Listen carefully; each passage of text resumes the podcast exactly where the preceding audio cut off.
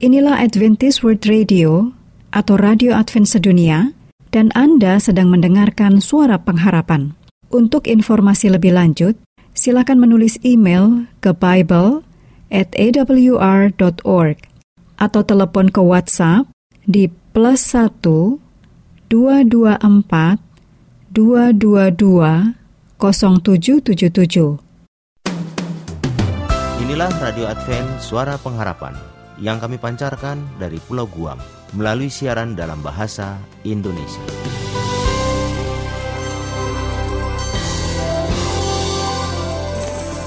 Salam sejahtera kepada saudara pendengar di mana pun Anda berada. Selamat berjumpa kembali dengan kami, Radio Advent Suara Pengharapan. Dengan senang hati kami akan menemani Anda dan keluarga dengan rangkaian acara yang telah kami persiapkan bagi Anda sekeluarga. Harapan kami, kiranya siaran ini dapat bermanfaat dan menjadi berkat bagi kita semua. Selamat mengikuti dan selamat mendengarkan. Tuhan memberkati.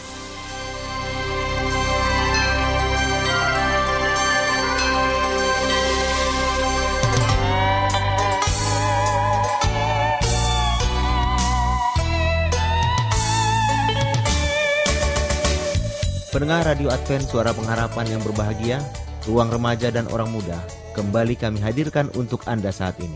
Acara ini akan membahas berbagai informasi seputar masalah remaja dan orang muda. Akan dikupas dalam acara ini. Dengan diasuh oleh Kak David Mamora sebagai seorang pendidik yang mengandalkan Tuhan, para remaja dan orang muda akan diajak untuk mau dibentuk menjadi manusia yang berkualitas sesuai kehendak Allah. Namun sebelumnya, kami akan hadirkan satu lagu pujian untuk Anda. Semoga lagu ini bisa menghibur Anda. Selamat mendengarkan.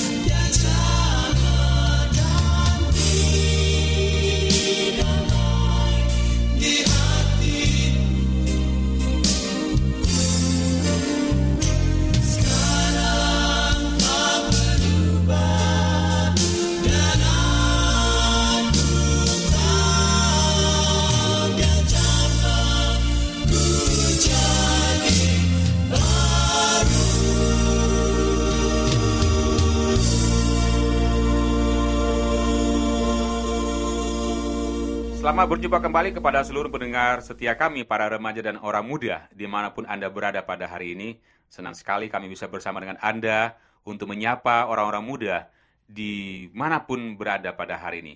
Kami berharap kita selalu dalam lindungan Tuhan dan sehat sentosa. Nah, orang-orang muda sekalian, pelajaran kita pada hari ini adalah tentang membangun di atas dasar yang benar. Ayatnya terdapat di dalam Lukas 6 ayat 48. Ia sama dengan seorang yang mendirikan rumah.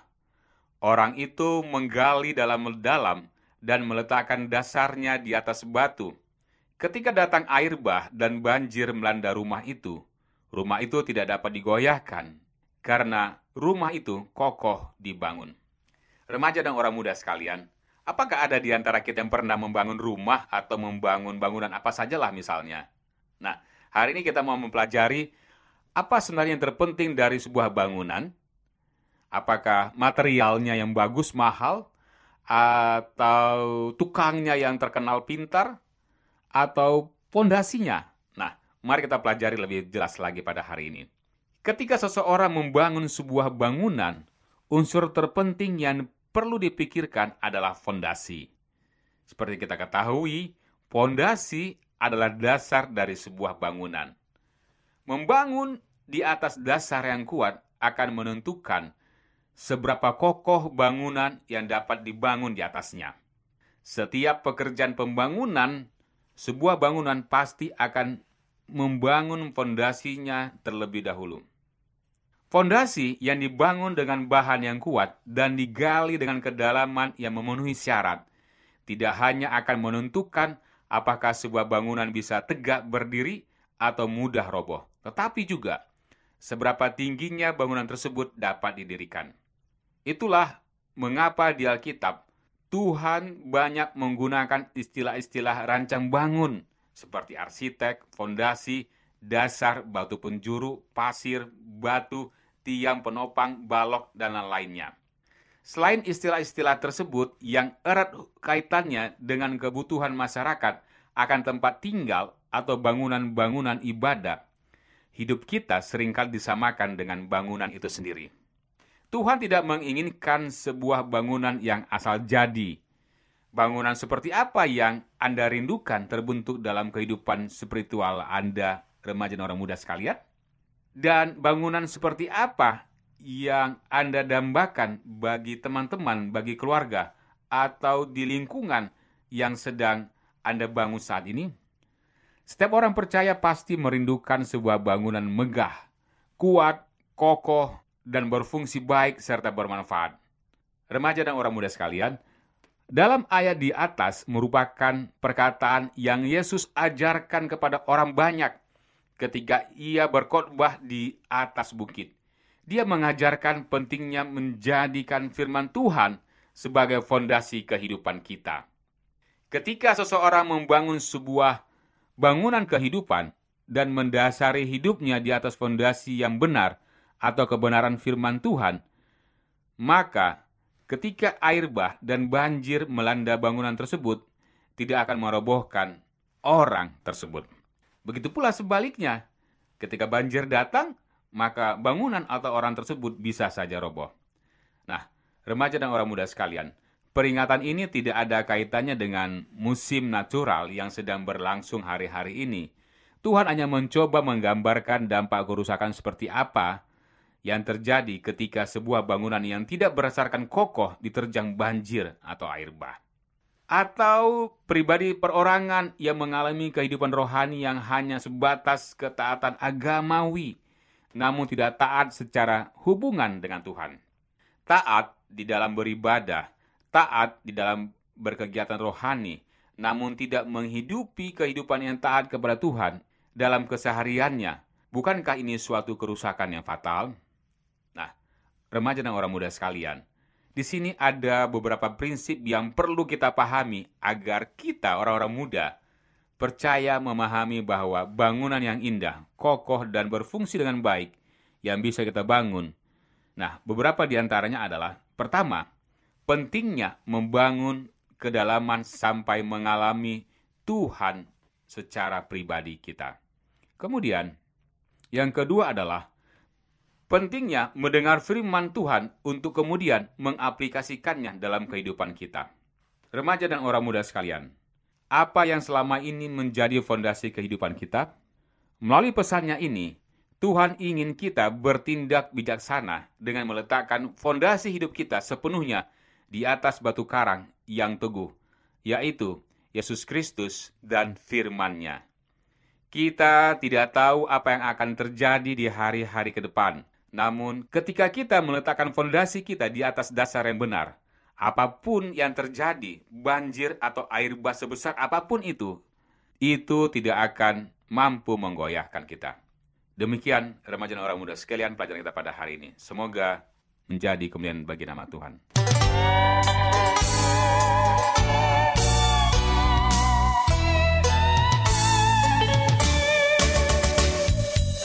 Pendengar Radio Advent Suara Pengharapan yang tetap setia bersama kami, demikian sajian ruang remaja dan orang muda yang sudah kami hadirkan untuk Anda. Kiranya bermanfaat untuk menolong generasi muda menjadi pribadi yang berkualitas sesuai kehendak Allah. Sampai jumpa dalam acara Ruang Remaja dan Orang Muda minggu depan. Tuhan memberkati kita semua.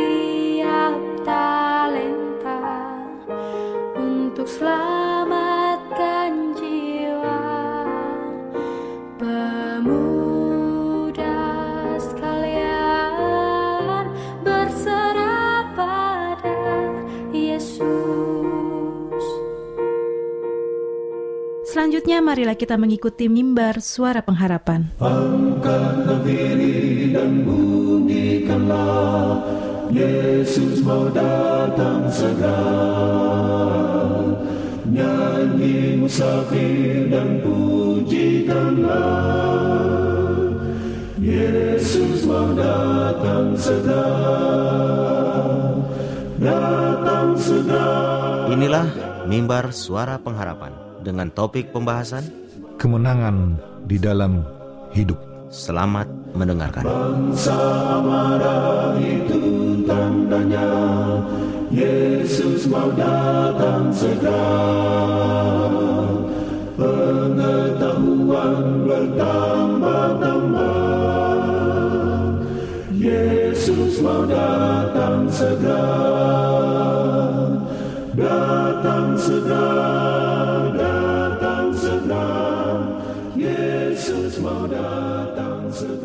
Salam saudaraku yang diberkati Tuhan, kita bersyukur atas segala berkat dan kasih karunia yang Tuhan berikan bagi kita, Khusus saat ini kita berikan kesempatan untuk mendengarkan sabda Tuhan dalam acara mimbar suara pengharapan bersama saya Pendeta Toga Simanjuntak dengan judul pembahasan kita Kemenangan di dalam Hidup.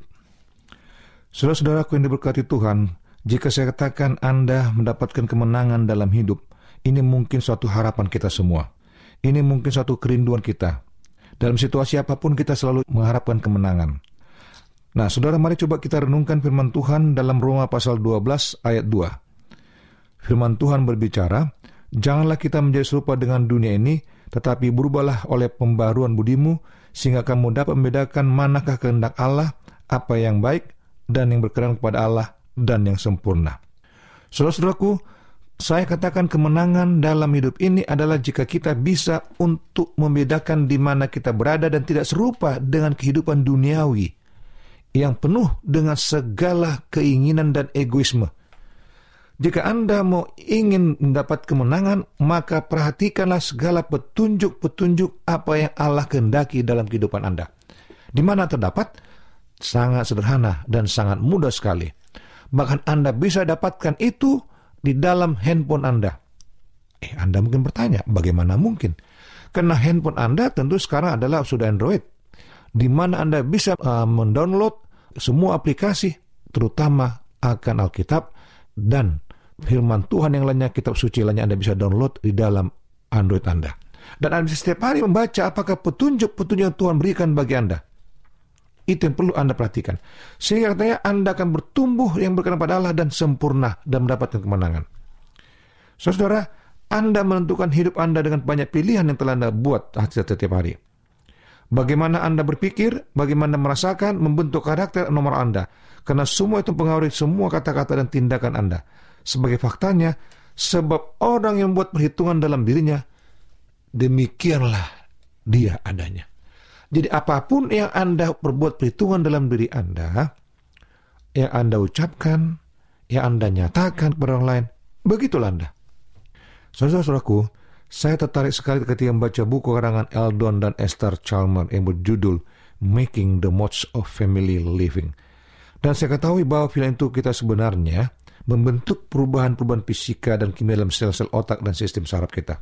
Jadi, apa yang Anda pilih dalam hidup Anda, apa yang Anda putuskan, itu akan mengubah setiap sel-sel fisika dan kimia dalam sel-sel otak Anda dan saraf Anda.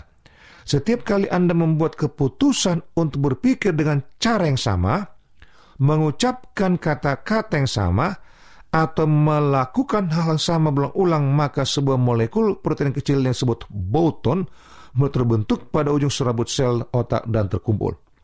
Lalu boton itu membesar dan bertambah banyak setiap ada pengulangan. Ini juga mengeluarkan zat kimia yang membuat berita ditransfer ke sepanjang jalur saraf. Lalu dikatakan protein kecil tersebut atau boton ini membuat semakin mudah dan mudah melakukan hal sama pengulangan apa saja, apakah baik atau buruk, membentuk kebiasaan itu menjadi menetap dalam kehidupan kita dan kebiasaan-kebiasaan yang sudah baku menentukan karakter kita. Lalu kabar baiknya adalah bahwa kita dapat mengatasi kebiasaan dosa-dosa lama, lalu boton-boton itu tidak perlu menyerang kita. Apabila kita memilih menyerahkan kehendak kita kepada Yesus, dan membantu kita akan rahmatnya yang melimpah untuk menjaga kita dari kejatuhan mempelajari firman-Nya setiap hari. Berdoa dengan sungguh-sungguh dan merasakan kehadirannya. Jadi, di saat Anda mengambil keputusan untuk melakukan yang baik dan benar, melakukan hal-hal yang bagaimana berkenan kepada Tuhan, maka akan terbentuklah suatu protein kecil atau boton di ujung saraf serabut sel otak Anda dan dia akan membuat satu pengulangan. Semakin sering Anda melakukan kebiasaan-kebiasaan baik, penyucian-penyucian yang baru bertambah, lalu akan bertumpuk dan makin membesar, membentuk dan dia akan menekan kebiasaan-kebiasaan lama yang jahat yang sebetulnya Anda lakukan. Lalu, saudaraku, dia juga akan merendam bahkan menghapus segala kebiasaan kebiasaan tidak berkenan kepada Tuhan karena Anda sudah berbuat sesuatu yang baik di dalam kehidupan Anda dan itu akan membentuk kebiasaan. Nah, seperti Anda kalau melakukan perjalanan pada satu jalan yang tidak belum ada jalan, lalu Anda melakukan berulang-ulang berulang-ulang, maka itu akan membentuk suatu jalan setapak. Ya, jalan setapak. Nah, kebiasaan bisa dilakukan itu akan membentuk di ujung saraf sel serabut otak Anda. Lalu dia akan bertambah. Jadi, boton-boton yang lama yang tadi jahat, dia akan tekan. Jadi, tergantung pada Anda. Sebab orang yang membuat perhitungan dalam dirinya sendiri, demikianlah ia adanya. Jadi, sulit Anda mengatakan, oh saya bukan begitu. Tapi ucapan Anda akan terpengaruh. Sikap Anda akan terpengaruh. Perkataan Anda akan mempengaruhi semua. Semua orang akan bisa menilai siapa Anda. Nah, saudara, di saat Anda melakukan kebiasaan-kebiasaan yang baik, ya, penyucian itu, maka katakan akan dikeluarkanlah asam gamma aminobutrik. Lalu asam gamma aminobutrik ini dia menjadi kimia itu menjadi rem penghapus lagi untuk tindakan penyerangan pada kebiasaan atau pola pola hidup Anda yang berbuat dosa itu pada masa yang lalu. Dan kemudian Anda akan diperbaharui pikir Anda. Dan dalam hal ini, Anda mendapatkan fisiologi kemenangan dalam hidup Anda dan mengembangkan satu kehidupan karakter sama seperti Yesus. Lalu, melalui penyerahan sepenuhnya kepada Yesus, Anda dapat mengetahui kegembiraan karena kemenangan setiap kecenderungan yang jahat yang diwarisi dan akan mempersiapkan Anda untuk bertemu muka dengan juru selamat Anda. Saudaraku, mintalah kepada Yesus bilang katakan, Yesus, aku memerlukan boton-boton penyucianmu untuk menjadi rem pada kebiasaan yang buruk dan juga menghancurkan kebiasaan saya yang lama. Sehingga saya dapat melakukan akan kebiasaan-kebiasaan yang baik. Kuserahkan kemohonku kepadamu ya Tuhan, dan tolong aku. Nah, saudaraku, syaratnya adalah sangat sederhana. Minta kekuatan pada Tuhan, dan jangan pernah untuk berpikir melakukan akan kehendak sendiri. Sehingga Anda jangan menjadi tidak tergerus dalam pikiran Anda untuk selalu berbuat jahat. Nah, lalu kemudian dengan perbuatan-perbuatan lakukan selalu minta kuat kepada Tuhan, maka Anda dapat membedakan manakah kehendak Allah, mana yang baik, mana yang berkenan kepada Allah. Nah, dengan meracik perbuatan yang baik setiap saat dalam kehidupan Anda, maka Anda akan mendapatkan kemenangan dalam hidup. Inilah selaku kemenangan itu. Pola pikir Anda akan diracik sedemikian rupa mendapatkan kekuatan dan menumbuhkan boton-boton yang baru atau dikatakan protein sel yang kecil dan menumpuk di ujung saraf otak mengendalikan pikiran Anda untuk melakukan hal-hal yang baik keselanjutnya dalam setiap saat. Tetapi jika Anda punya rencana-rencana yang jahat dari Anda, maka boton-boton jahat akan bertumbuh kembali dan dia akan mendesak boton yang baik sehingga Anda pun akan terpengaruh untuk melakukan yang jahat yang tidak berkenan kepada Tuhan. Nah, itu perlu saudaraku, Anda selalu berserah setiap hari kepada Tuhan. Minta kekuatan kepada Tuhan. Minta kemenangan kepada Tuhan. Dan yakinkan saudaraku, maka saudara akan siap untuk mendapatkan itu. Dan Anda dapat kemenangan hidup Anda. Nah, saudara, minta pada Yesus untuk Anda ditolong akan dapat menumbuhkan boton-boton yang baik, yang benar, yang menyucikan kehidupan Anda. Dan jika Anda rindu mau didoakan, dengan penuh sukacita kami akan mendoakan Anda. Salam saudaraku, Tuhan berkati Anda. Amin. Jiwaku terisi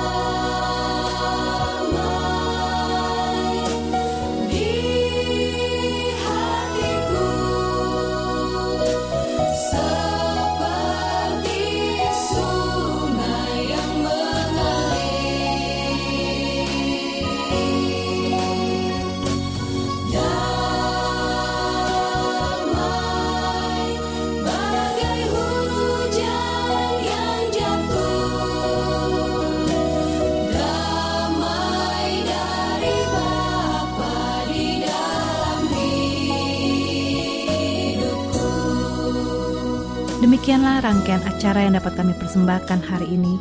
Dan apabila Anda mempunyai pertanyaan atau ingin mendapat pelajaran Alkitab penemuan baru, silakan menghubungi kami dengan cara mengirimkan surat ke alamat Radio Advent Suara Pengharapan, PO Box 8090, Jakarta 12810 Indonesia. Telepon 0821 1061 1595. Alamat email awrindonesia@yahoo.co.id. Anda juga dapat bergabung di Facebook kami, pendengar Radio Advent Suara Pengharapan, juga Radio Advent Suara Pengharapan. Terima kasih kami ucapkan bagi Anda semua pendengar kami yang setia. Kita akan berjumpa kembali pada waktu dan gelombang yang sama esok hari. Salam kasih dan sejahtera. Kiranya Tuhan memberkati kita semua.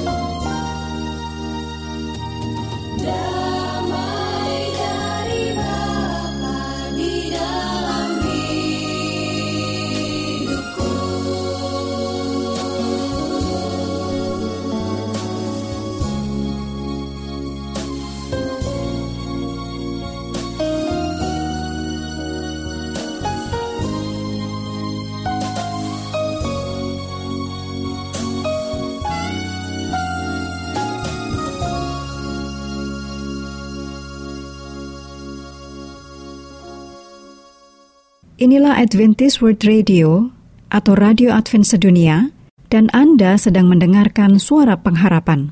Untuk informasi lebih lanjut, silakan menulis email ke Bible at awr.org atau telepon ke WhatsApp di plus 1 224 222 0777